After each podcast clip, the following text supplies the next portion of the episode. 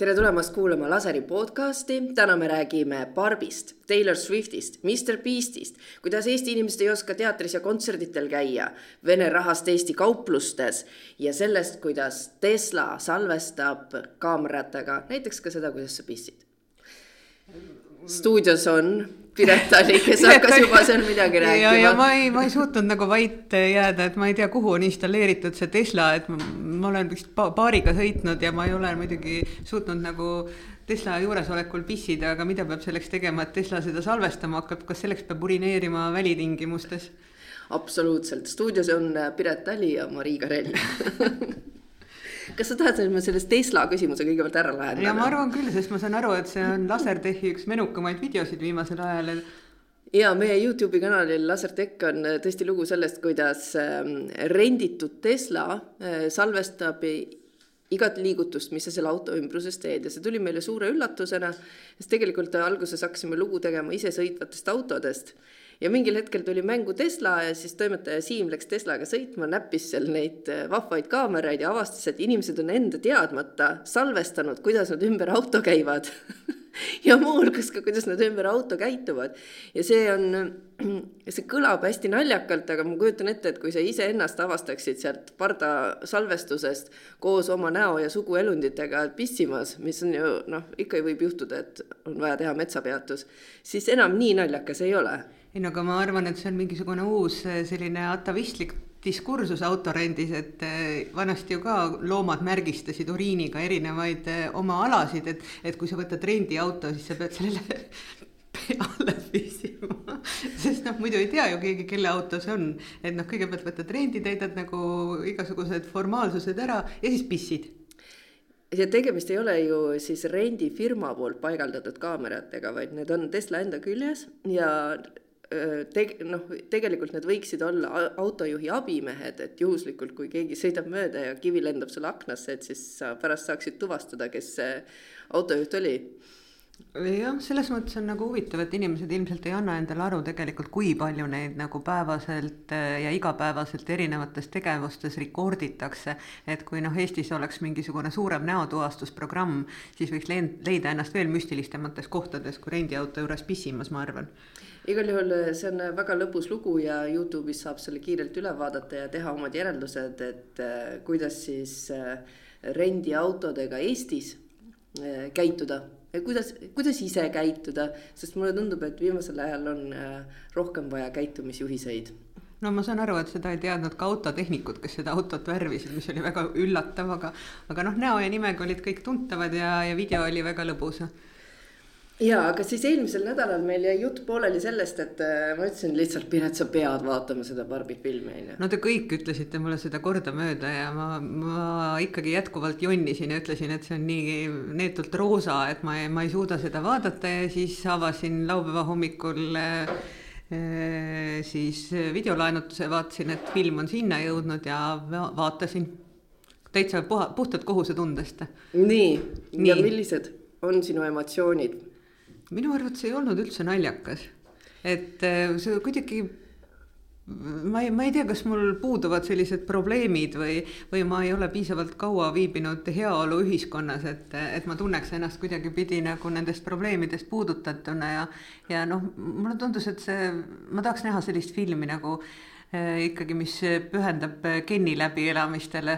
ja maskuliinsuse otsimisele, et see tundus mulle nagu palju nagu kaasaegsem teema kui kogu see teema, et kas kellelgi on tselluliit ja surmamõtted ja veenilaiendid ja, ja kogu see Barbiland meenutas mulle väga õudsal määral Nõukogude Liitu, arvestades seda, et, et ma ikkagi õrnas eas jõudsin seal elada, et siis oli ka nagu naised olid kosmoses kombainiroolis, ehitusel kraanade ja kombainide ladvas, et see oligi nagu Barbiland. ja mida siis mehed tegid, otse loomulikult, mida tegi jõid õlut, jõid õlut, eks ole, ja, ja tegelesid hobuste ja autodega, et lasid reedel mehe garaaži, siis ta oli kaks päeva kadunud et, et see oli nagu mingis suhtes nagu noh,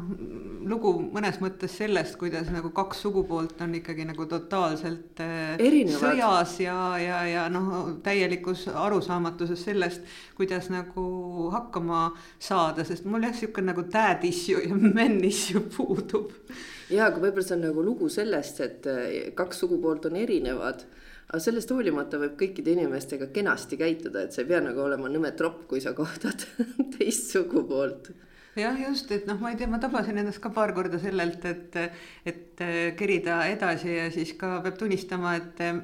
mees ja pojad ka seal erinevalt figureerisid ja käisid õhku ahmimas, et väiksem oli seda kinos näinud ja, ja suurem jäi nagu Kennide tantsunumbrit vaatama, ütles, et kas see veidi imelik ei ole ja jõudis ka minu arvates järeldusele, et kogu see Kenny stilistika on nagu veits gei eks see, ma ei tea, ei, see on tegelikult väga lahe film ja see on naljakas. ma ei tea, mis, mis meeleolus sa seda vaatasid? ei, ma, ma olin täiesti adekvaatses meeleolus, sihuke laupäeva hommik, oled jalutuskäigu teinud, kohtusid lugupeetud kirjanikuga, kes ka jalutas koeraga ja. sulle ei tundunud, et see on feministlik äh, sõnum seal või? Ma ei tea, kas ma otsin nagu mingi taskulambi ja indikaatoriga feministlikke sõnumeid taga. et selles mõttes, et noh, võib-olla oled nagu mingist hetkest peale juba veendunudki selles, et, et naised ongi võrdsed ja saavad hakkama, et noh, minul ei ole seda gaslighting ut nagu elus kunagi olnud, et keegi üritaks mind kuidagi nagu maha suruda või tagasi tõmmata või, või mida iganes, et, et noh, ma olen, võib-olla sellel on mingi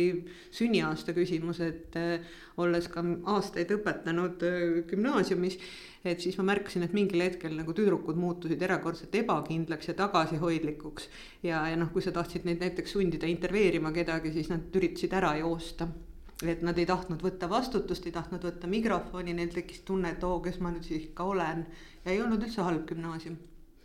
Mulle tundub, et äh, tegelikult ta ikkagi rõhub sellele ühiskonna võrdsusele ja, ja see võiks olla koolis selline film, mida käiakse klassidega koos vaatamas, lihtsalt et pärast oleks arutleda millegi üle, et see on piisavalt kerge vaatamine, samas on seal nagu mõtlemapanevaid kohti ja, ja mitmeid tasandeid. et äh, tehes samal ajal lugu Eestis vohavast lähisuhtevägivallast, et me oleme Euroopas nagu number üks riik, kus on kõige rohkem lähisuhtevägivalda, siis ma mõtlesin, et huvitav, aga kuidas see Eestis nii on läinud. ja siis, kui ma kõrvutan seda selle statistikaga, et Eestis on ka Euroopa Liidu riikidest kõige suurem palgalõhe, siis mul ei olegi seda enam nii raske mõista, et kui on ühiskond, kus on nii ebavõrdsetel positsioonidel erinevad sood, et siis see lõppkokkuvõttes tekitabki probleeme alates sellest, et üks teenib rohkem palka ja teine vähem, kuni selleni, et keegi on kogu aeg jõupositsioonil kodus tegelikult on see nagu kummaline, et noh, minu arvates toimus selle kapitalismi tulekuga Eestis äh, selle võrdõiguslikkuse osas nagu totaalne taandareng. et, äh, et see on mõnevõrra imelik on seda öelda, et Nõukogude Liidus oli ka häid omadusi, aga siis naised hakkasid jääma väga palju koju Nad hakkasid järjest rohkem pöörama välimusele tähelepanu, et see, mida kapitalism kaasa tõi, oli mõnes mõttes nagu naise selline äh, Eh, bimbostumine ja see muutuski nagu omaette väärtuseks. ja, ja siis mingil hetkel ma mäletan, et ma olin ühe lapse sünnipäeval ja kuna ma olin üks väheseid täiskasvanuid, eh, nad hakkasid mängima missi valimist. ja siis selgus, et eh, noh, minu ajal ikkagi tüdrukud vastasid küsimusele, et kelleks sa tahad saada, noh arstiks, õpetajaks, võib-olla kosmonaudiks ei tahtnud saada. ma tahan kolm last, rikast meest ja oma maja ütlesid nad eranditult kümneaastaselt. et eh, siis mul tekkis küsimus, aga kui sa mehest lahku lähed, et mis siis saab, et, eh, et siis sa oled kodutu kolme lapsega üksikema või? Et, et noh, ikkagi nagu küsimus on selles, et eh, kes sa ise oled, mis haridus sul on ja, ja nii edasi igal juhul Barbi film on, äh, kes kinno ei jõudnud, siis järelvaatamisest Telias saadaval. ja kuna algas PÖFF, siis me oleme mõlemad vaadanud ootralt väärtuslikke filme. ja tabasin seda PÖFFi kava lahti tehes ennast sellelt mõtet, issand jumal küll, et ma olen nagu selle Netflixi poolt kuidagi ära hellitatud või nii, et see teeb mingisuguse eelvaliku su jaoks ja siis, kui tuli see kaks nädalat neid filme, siis ma mõtlesin, issand, ma lihtsalt ei jaksa tegeleda selle kõige läbitöötamisega ja läksin Taylor Swifti kontsertfilmi vaatama kas see oli kergema vastupanu teed nimelt? Tiina Lokk nutab su pärast krokodillipisaraid, et ma saan aru, et paljud inimesed võtavad ennast töölt lahti PÖFFi ajaks, ostavad piletit, vaatavad kolm või neli filmi päevas, kusjuures ükskord mul oli, ma võitsin mingisuguse arvamuslooga mingisuguse päevapassi. ja mul on tunne, et mul oli pärast seda ikkagi nagu üsnagi jube olla, sest eh, minu emotsionaalsele tervisele kogu selle asja läbiseedimine vaimsel tasandil mõjus väga raskelt. et pärast seda ma otsustasin, et ma vaatan ainult, PÖFFil oli kunagi mingi määratlus vitamiinilaks, ainult filme, kus saab nalja ja ei trukita imikuid ja väikelapsi ja, ja, ja kõiki muid sellist ja ma arvan, et PÖFF on kindlasti väga tänuväärne, aga ma tõesti nagu ei jaksanud läbi töötada seda kava ja siis ma mõtlesin, et okei okay, Taylor Swifti kontsertfilme olen juba näinud, et seda on kiidetud, ma lähen vaatan seda. ja, ja siis mõtlesingi, et huvitav, kas ma saan seda podcast'is siin soovitada, sest et äh, vaadates hetkel, kui praegu on teisipäeva hommik kinokava, siis seda ei ole kinokavades. kuhu ta jäi siis vahepeal, sa käisid, vaatasid ära ja sa olid viimane inimene, kes tahtis seda aga mm, küsisin ka kohe järele, et kas on plaanis seda uuesti kinokavva tulla, panna, et sellel nädalavahetusel tulevad eriseansid kolmel päeval, siis reedel, laupäeval, pühapäeval, kuna Taylor Swifti kontsertfilm osutus Eestis erakordselt populaarseks. ja ma tõesti, ma mõtlen, et ma kakskümmend viis aastat ei ole näinud kinosaalis nii palju inimesi, kui oli sellel kontsertfilmi näitamisel. ja see on kaks nelikümmend viis pikk püha taevas, sa vaatasid seda järjest ära, kontserti kinos. jaa, ja see on väga äge. Okay, see on väga-väga äge, sest esiteks kinosaalis on väga hea muusika kvaliteet teiseks, see on nii ägedalt tehtud ja Taylor Swift on nii imearmas. ta on imeilus ja nii nunnu ja tahaks kogu aeg teda vaadata, sest seda on huvitav vaadata, seal laulud vahet-. ma selle kolmetunnisest filmist eh, teadsin tegelikult ainult kolme laulu. see ei ole otseselt eh, kõnetanud mind, see muusika, aga ta on ise väga äge ja selle seansi jooksul ka seal väikesed tüdrukud läksid osad ekraani ette tantsima, teised plaksutasid seal kõrval, et see on äh, suuremat sorti elamus ja, ja Taylor Swift äh, on, äh, kui me siin juba sellest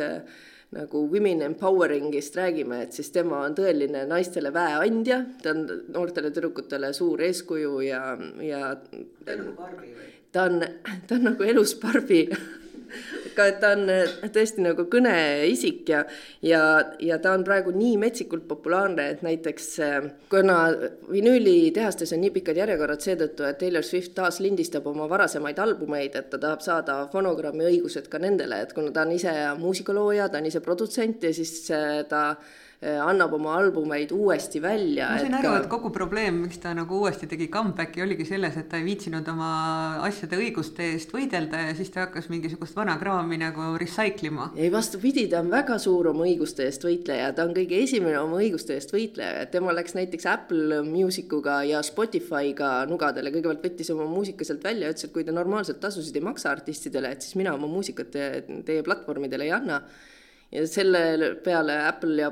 ja Spotify loomulikult mõtlesid järele ja nüüd ta on mõlemal platvormil saadaval. ja ta on üks väheseid artiste, kes on äh, nii hästi Äh, osanud oma muusikat välja anda, et see tõepoolest ka kuulub talle ja ta on ise produtsent ja, ja. no kui sa oled vist produtsent, esitaja ja, ja looja, siis sa saad ikkagi nagu raha, aga kui sa juhuslikult ei ole seda, siis sa ei pruugi saada, sest ma mäletan, et eelmine aasta me tegime ühte lugu, mis vist eetrisse ei jõudnudki, kus me tegelesime selle Spotify temaatikaga et, et noh, selles mõttes nagu respekt, kuigi mul on tunne, et Taylor Swifti au ja kuulsuse ja tohutute müüginumbrite kõrval on tulnud see zombikvartett Beatlesite näol, mis teda nagu mõnevõrra kõigutab, et noh, ma kujutan ette, et kui Taylor Swift peaks kunagi nagu kõrvad pea alla panema, siis tema produktsioon saab edasi töötada lihtsalt erinevatest nagu juppidest pannakse kokku nagu uus lugu ja paisatakse eetrisse ja raadioeetrisse, et ma saan aru, et Beatles on nagu taas ühinenud oma looga, et pooled mehed nagu taevastelt kaugustelt mängivad midagi ja teised vanainimesed on nagu siit puhtaks klopitud ja pandud esinema ja, ja põhimõtteliselt need on enam-vähem võrdsed müüginumbrid, et ma saan aru, et vaesed artistid peavad võitlema mingisuguse tohutu zombiarmeega. et ma ei tea, keda siis varsti veel nagu hakatakse ellu äratama, kui juba Beatles on kokku tulnud, et mis siis järgmiseks, eks ole. ja, aga Spotify's neil tõesti oli oli tugev rebimine Swiftiga, aga Swifti peetakse siis äh, esimeseks äh, muusikustaariks, kes on saanud miljardäriks ainult muusikuna, et samal ajal ei pea tegema äh, tegelema tossude väljaandmisega või parfüümide väljaandmisega või mingisuguse muu kõrvaltegevusega, vaid et ta on saanud muusikuna väga-väga rikkaks ja siis ühtlasi ta on e-, ehitanud oma seda brändi nagu väga tugevalt, et noh, et me, meie naised võime iseenda õiguste eest seista. ta laval ka,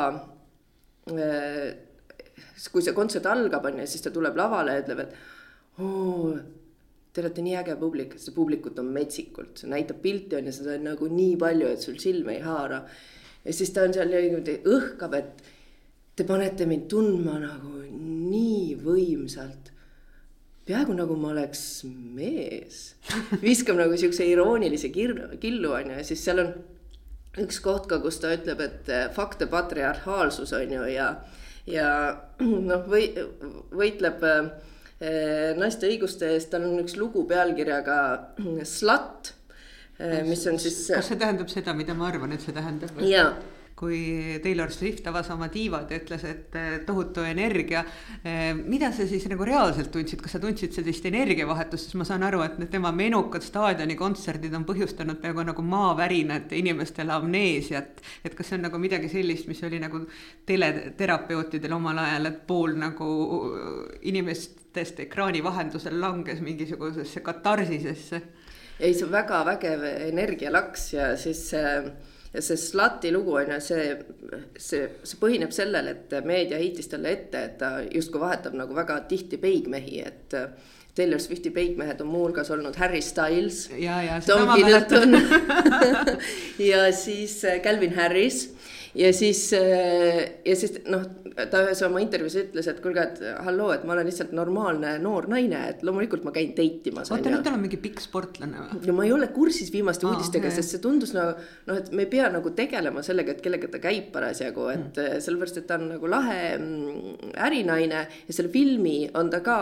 ise produtseerinud ja ma mõtlen, et noh, kui palju siis saab ühel inimesel päevas tunde olla, et kui see kontsert ise on pikk kolm ja pool tundi kontsert... no ta lõikas sellest ju kokku ainult kaks nelikümmend viis.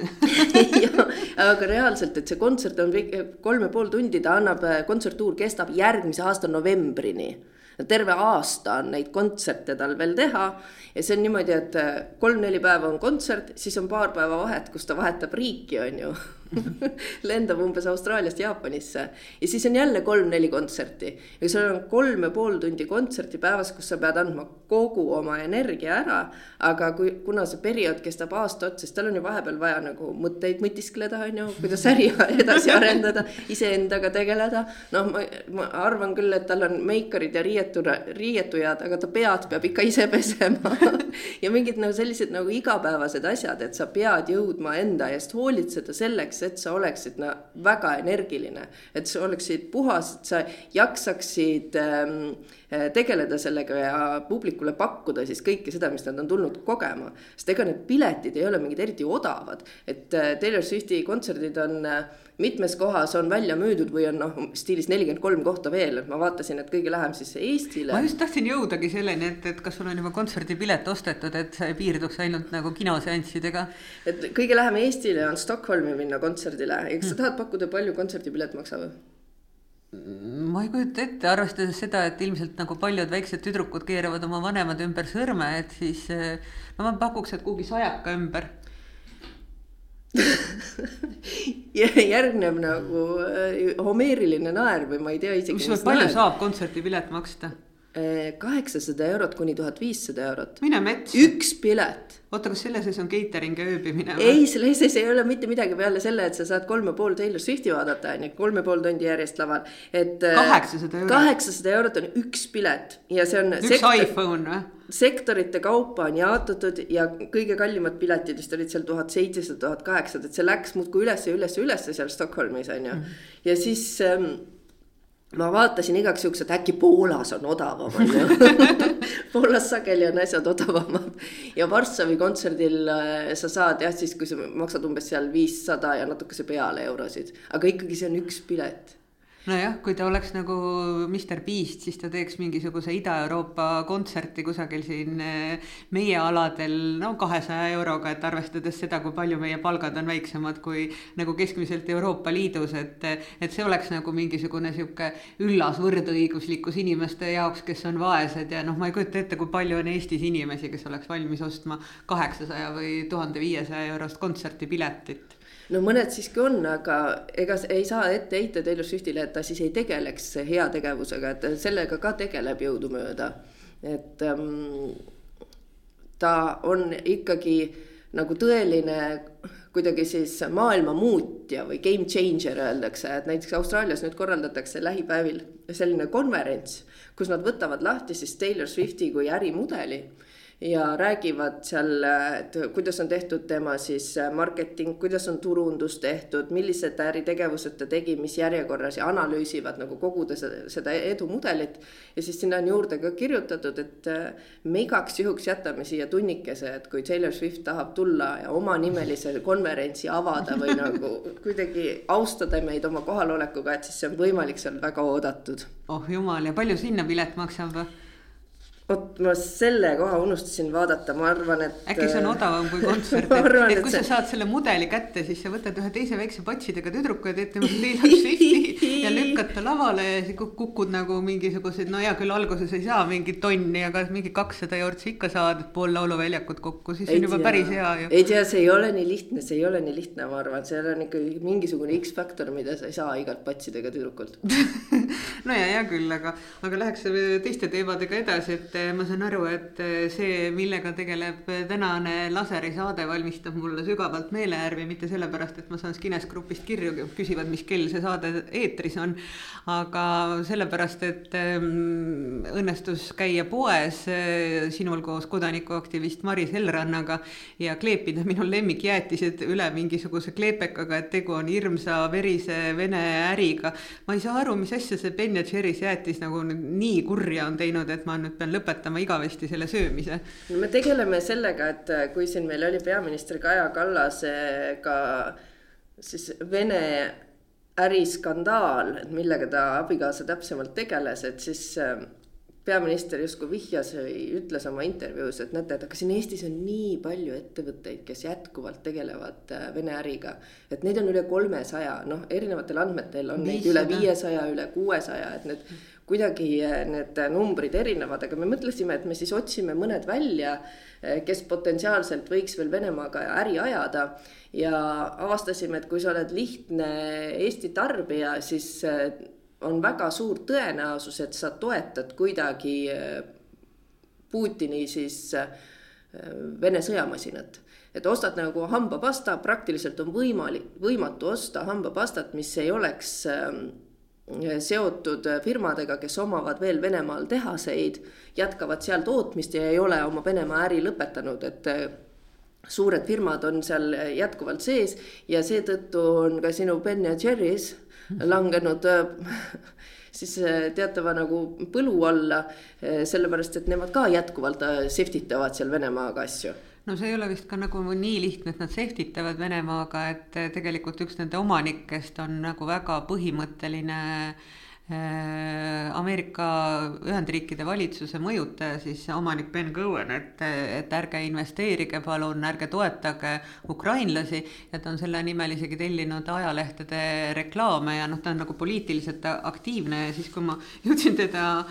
guugeldada, ta on ka mingisuguseid omaette kleepsukampaaniaid teinud, toetades demokraate ja, ja kuidas ikkagi raha poliitikast välja viia ja ta on nagu ka mingi tohutu filantroop äh, oma arvates, aga et noh, miks ta on nagu jõudnud selleni, et, äh, et, et ta nüüd äh, peaks ütlema, et tegelikult Ameerika on ka selles sõjas süüdi. sellest on nagu raske aru saada, et kuivõrd nagu meie igapäevasesse tarbimisse jõuavad rahvusvahelised konfliktid ja kuidas me saame neid mõjutada, sest noh, kokkuvõttes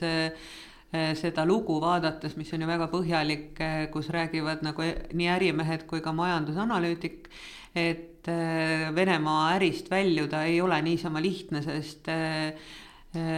põhimõtteliselt Putini režiim vangistab ettevõtted Venemaal ja sa ei saagi sealt oma raha välja viia ja mida aeg edasi, seda raskem on sealt välja tuua ja seda suurema kahjuga sa sealt välja tuled ja ja et kui siis sa Eesti lihtsa, Eesti inimesena lähed lihtsalt poodi ja tahad osta seepi või hommikuhelbeid, et siis noh, et kas sa viitsid nagu võtta kogu aeg ette selle, et aa, ma nüüd skännin selle koodi sisse ja vaatan, mis firmale see konkreetne bränd kuulub ja kas siis see firma on veel Venemaal sees või ei ole. et just eile tuli uudis siis ähm, Bloombergi vahendusel, et et Ukraina korruptsioonivastase võitlusega tegelev asutus süüdistab ka Nestlit Venemaa toetamises, et hoolimata Venemaa jätkuvast tegevusest Ukraina vastu on Nestle Venemaal ähm, oma äri pidamas ja ehkki nad ka nii-öelda tõmbavad kokku oma äri, et siis ähm, tegelikult on äh,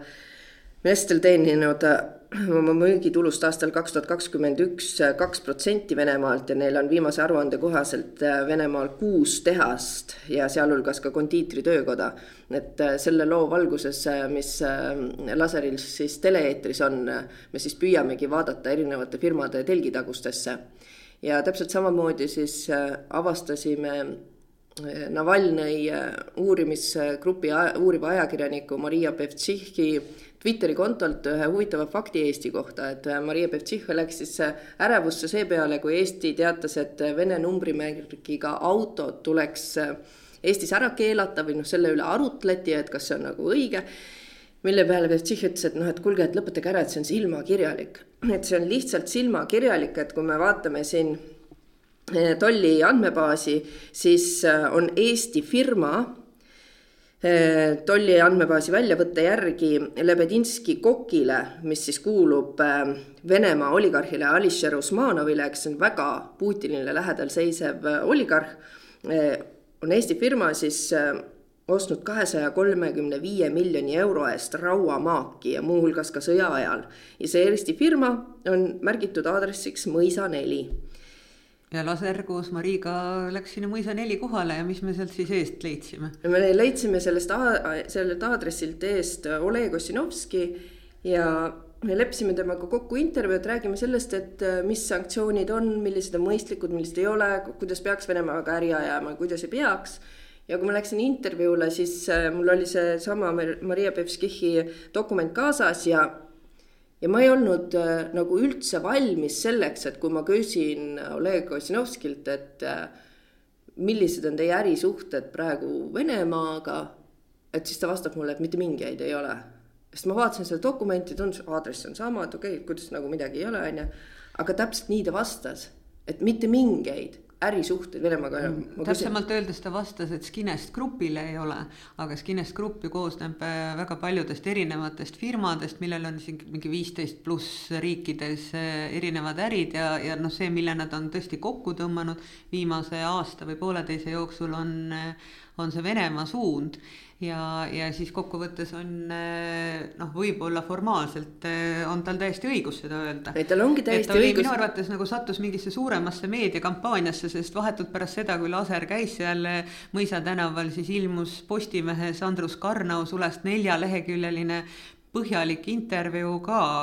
Oleg Ossinovskiga, eh, kus ta ka võttis Vene äri teemal sõna, noh muidugi seal ei räägitud eh, Bevtšihi postitusest, vaid räägiti ka näiteks sellest, et kas ta eelistab Pugatšovat või Joalat või miks tal eh, on seal üks või teine asi ja siis küsin Oleg Ossinovskilt, kas sa täiesti kindel oled, mitte mingit tegemist, täiesti kindel olen. ja siis näitan sedasama postitust ka ja Oleg Ossinovski, et ei, et ma ei saa aru, et mis see on, et see on Ashipka on ju, see on viga mm. -hmm.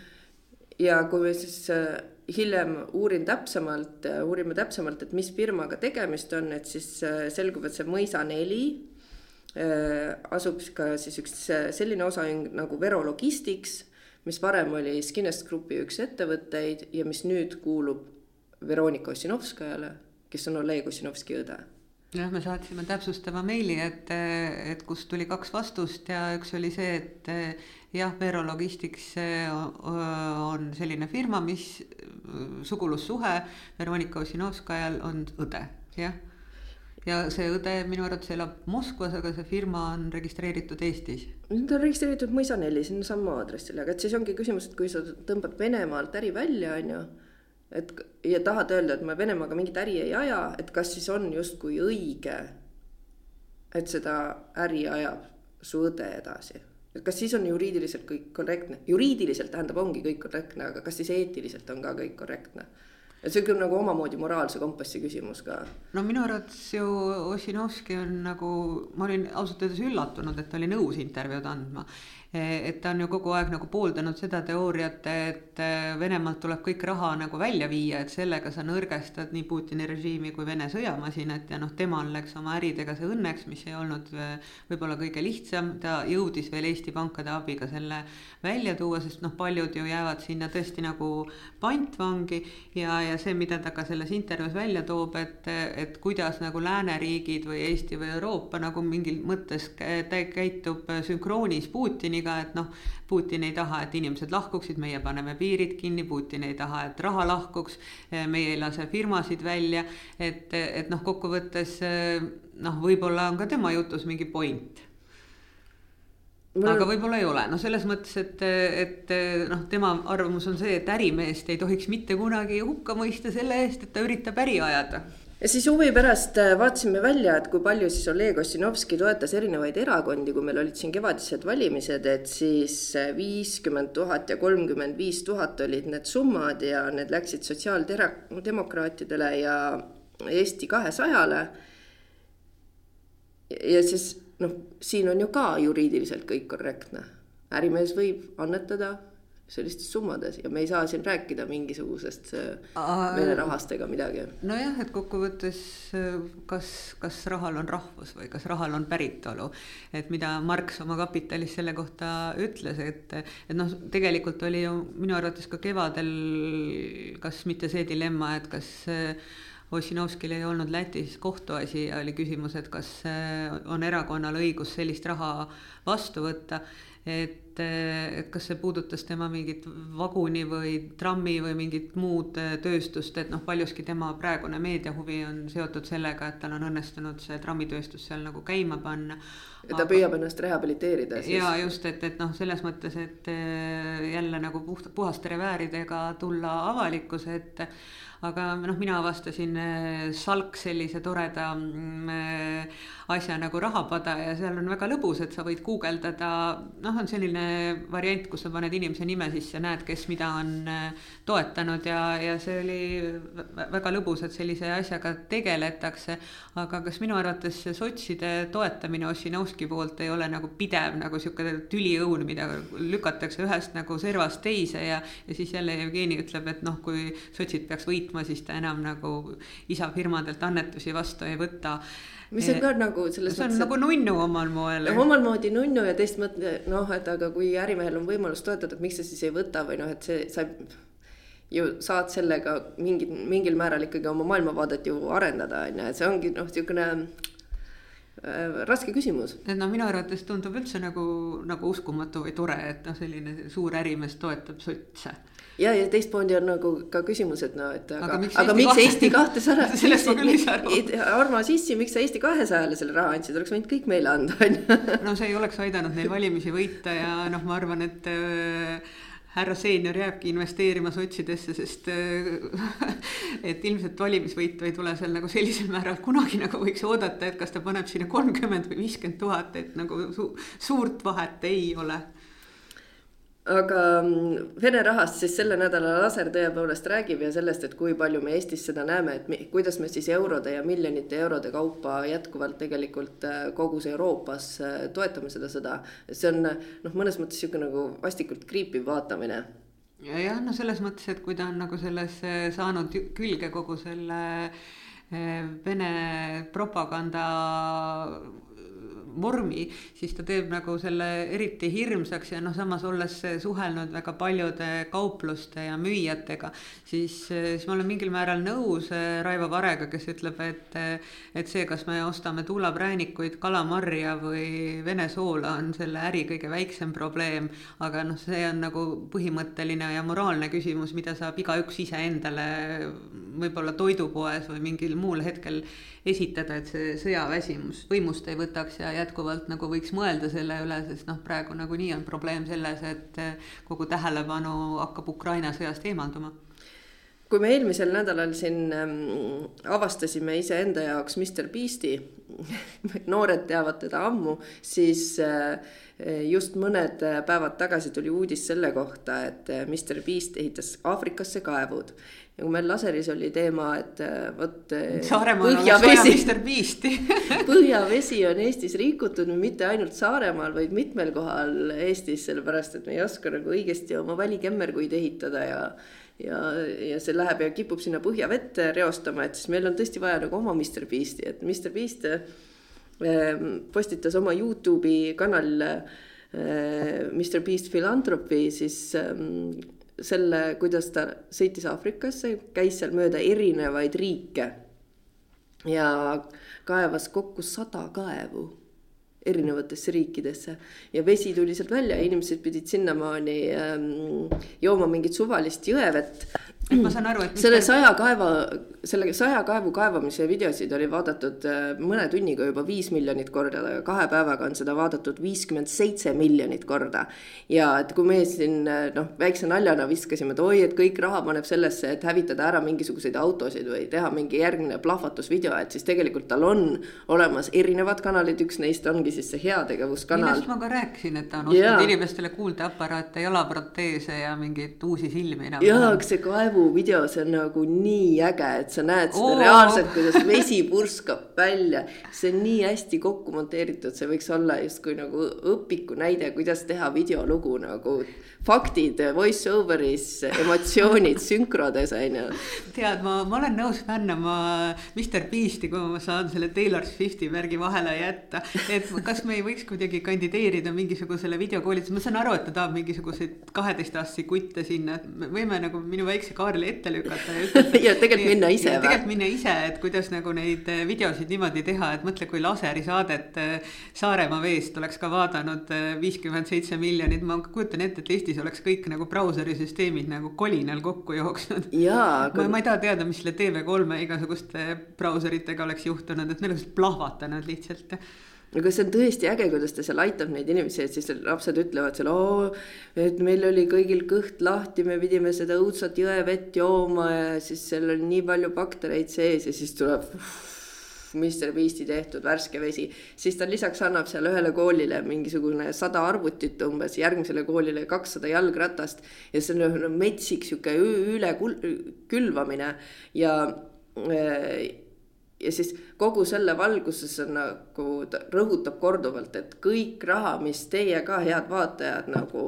annetate, et me kõik paneme selle päriselt ka heategevusse. et me Eestis on sellega nagu väga halvad kogemused. aga mõtle, kui sa oleks Ossinovski juurde läinud selle Pepšihi nagu Twitteri või X-i postituse asemel nagu selle plaaniga. et vaata, Oleg, sul on siin palju raha, ära anna kõike sotsidele. mõtle, mitu kaevu saaks Saaremaale sellega kaevata. huvitav, mida nagu Ossinovski oleks sulle vastanud, ma saan aru, et noh, Mr Beast on muidugi nagu täiesti teine kaalukategooria. aga noh, kust seda filantroppi siis leida? absoluutselt, no täiesti, me oleme ise lollid, mida me no nokime siin on ju, et mis Vene äri blablabla bla, bla. peaks heategevusega tegelema noh. ja et noh, selles mõttes, et kui keegi tahab omale tänapäeval nagu moodsaid indulgentse, ma saan aru, et tegelikult eh, Mr Beastil on ka juba noh piinlik, et ta nii palju pappi teenib oma videodega, et ta peab ju kuidagipidi selle kõik ühiskonnale tagasi andma, mis ta vastelt süütutelt alaealistelt on kokku kraapinud. aga noh, see ei ole nagu sugugi kõige halvem, sest noh, vot see, kuidas see süsteem töötab ja see videotööstus ja, ja see noh, ta on nagu põhjalikult minu arvates võtnud nagu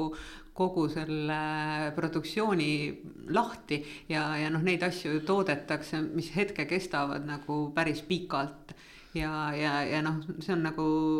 totaalne tase ja, ja noh, samas ma arvan, et et selle mõjusus nagu globaalselt on kordades suurem kui see, mida meie kunagi suudame saavutada.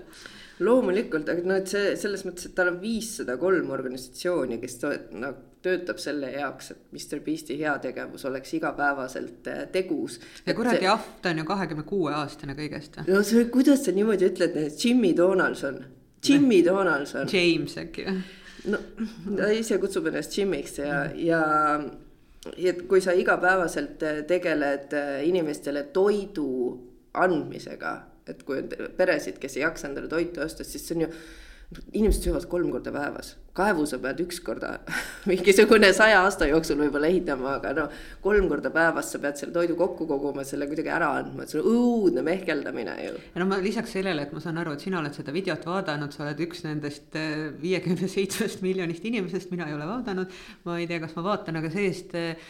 ma nägin lähedalt, kuidas üks inimene ostis kolm äh, Mr Beasti šokolaadi kodu ekstrast. Äh, ja minu arvates sa oled toetanud ka natuke kaudselt neid Aafrika kaeve, et Vene äri sa jätsid küll vahele. mina enam ka Ben Jerry jäätist ei osta, aga Aafrika kaeve läbi Mr Beasti šokolaadi, ma ei saa aru, kuidas saab mingisugune täiesti olematu viiekümne grammine tahvel maksta kümme eurot. mõtle, kui nunnu, et sa selle välja tõid, ma ei olegi kunagi mõelnud selle peale, et ma toetasin sellega Aafrika kaevu, sest ma tunnen ennast kohe palju parema inimesena. ja sul ei ole sugugi nagu sellist eh, kahjutunnet selle eest, et sa käisid nagu kolme õnnetu tahvli eest välja kolmkümmend eurot? ei, sellepärast, et need olid soodushinnaga, kui sa ostad kolm korraga, siis ühe tahvli hinnaks on seitse kaheksakümmend no mida iganes, mõtle, kui palju sa saaks selle eest osta nagu mingisugust nagu täitsa tavalist šokolaadi, millel ei ole peale kirjutatud Mr Beast. aga maitses ju hästi jah, ma ei ole küll väga magusa avlas, aga maitses, vist ma seda crunch'it proovisin jah, ei olnud, ei olnud äh, viga, aga peab tunnistama, et ma ütlesin ka oma lapsele, et, et lisaks Prime'ile on müügil see šokolaad, siis ta läks poodi, ütles, kas sa tead, kui palju see maksab. ma ei saanud seda sünnipäevale kingiks viia. ja, ja see on äh, laste terve kuu äh, taskuraha põhimõtteliselt. jah, et igal juhul jäi, jäi see ostmata. aga see soodustab seda, et sa ei sööks nii palju magusat jah, ma arvan küll, aga, aga noh, peab tunnistama, et, et, et siin toimetuses oli see šokolaad nagu Jeesus Kristuse leib, mis jagati väikesteks paladeks ja igaüks sai väikse tükikese. ja minu arvates pärast seda toimus nagu kerge valgustumine, kõik hakkasid helendama ja tegema palju paremaid videosid kui enne. absoluutselt, aga mm, kui on ähm, raha kui on raha. kui on raha, siis on elus läinud hästi ausalt öeldes. tundub, et äh, kui ma siin rääkisin, et vaata, et hästi palju vinüüle toodetakse ja et äh, Ameerikas ostavad kahekümne kuni kolmekümne nelja aastased sama palju vinüüle kui üle viiekümne aastased, siis siis Eesti plaadipoodidel läheb ka, tundub, et päris hästi, et Terminal peab siin nädala pärast kümneaastast sünnipäeva koos Vaiko Epliku ja Eliidiga, mis ei ole Eesti kõige odavam bänd ja Madis Nestori juures kaupluses Beat õnnestus üks päev külas käia, kus ta ka pakkis oma väikeste kätega seal plaate ja ütles, et jah, et inimesed ostavad, et. et noh, et lihtsalt narr lugu on see, et nad tellivad nüüd Balti jaama pakiautomaati, ehkki tema pood asub Balti jaamast äh, ühe tänava kaugusel. jah, ta on peaaegu minu kodu lähedal, aga see on nagu selles mõttes nagu huvitav, et ma vaatasin ka, et meie vana kolleeg, fotograaf Marko annab välja ka mingeid äh, oma aja punkplaate ja iga kord, kui ma jõuan ennast kokku võtta, et helistada talle, et pangu mulle mõni vana JMK e-salvestus kõrvale, sest need on kõik juba läbi müüdud. sest peab tunnistama, mul on ka vinüülimängijad kaks tükki. et üks on ühes linnas ja teine on teises linnas, aga ma kuulan neid oma vanu vinüüle, mis mul kunagi on olnud ja noh, uusi ma olen väga vähe ostnud, sest noh, peab tunnistama, et ma ei kuula väga palju muusikat, ega see plaadi see krõbin ja see heli ja selle autentsus mulle väga meeldib ja, ja noh, mulle tundub ka, et nüüd hakkavad kassetid comeback'i tegema, sest äh, minu trenditundlik väiksem laps on juba omale kassetipleieri soetanud. et varem oli meil nagu vana Ford, kus me saime kuulata kassettraadiot, aga nüüd on ka kassetipleier olemas. see on väga nunnu, kui Nestli ja siis Marabou šokolaadi asemel leitakse raha, et toetada kultuuri ja eh, inimesed käivad ka teatrites ja kinodes ja mulle väga meeldis Tampet Kaugemaa eh, siis eh, postitus eelmisest nädalast, kus ta kirjutas seda, et kuulge, kui te lähete teatrisse, siis ärge siis istuge seal mobiiltelefonis. et isegi ükskõik kui igav see tükk parasjagu ei ole, et siis noh, katsuge see paar tundi välja kannatada ja hoida näpud kaugemal, sest et laval on väga ebamugav näha, kuidas inimeste näod hakkavad zombikarva minema jah, peab tunnistama, et ma olen seda nagu korduvalt äh, nentinud, aga, või märganud, aga et see on nagu imelik, et äh, see on isegi pigem nagu keskealiste probleem kui noorte probleem. sest noh, tavaliselt ikkagi noored satuvad mingisuguse õpetaja piitsa ajal teatrisse, et ega nad sinna vabatahtlikult ei lähe, kui nad just vanematega koos ei ole. aga see, et mingisugused siuksed meievanused inimesed nagu mingil hetkel lasevad sellel monkey mind'il endast võimust võtta, et no hea küll, et see tekst on keeruline, ma ei suuda seda jälgida. aga ma vaatan, mis sotsiaalmeedias on see toimub nagu teatrisaalis keset nagu laivi, kus keegi lava peal noh, sinu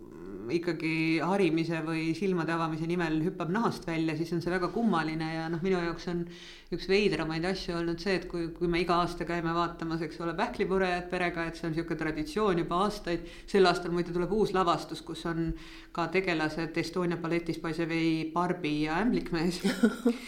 et, et noh, ei hakka üheksateistkümnenda sajandi laps, lastetoast, vaid praegu siis ma tahaks tõesti näha ämblikmeest balletist. aga, aga siis võetakse kaasa imekaunites kleitides väikesed tüdrukud, kes on süles ja kes on esimest korda ooperis ja mingil hetkel vanemad ei oska nendega mitte midagi muud peale hakata kui annavad neile kätte ekraani.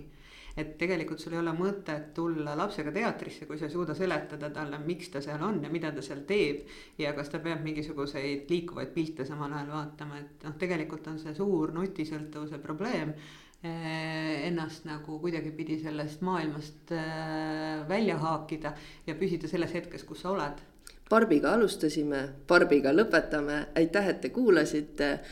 Kuulake meid järgmisel nädalal jälle, vaadake TV3-st laserit või leidke laseri vanemad episoodid tv3.ee kaldkriips laser ja vaadake meie Youtube'i kanalit Lasertech. ja ma loodan, et te olete üks viiekümne seitsmest miljonist laseri vaatajast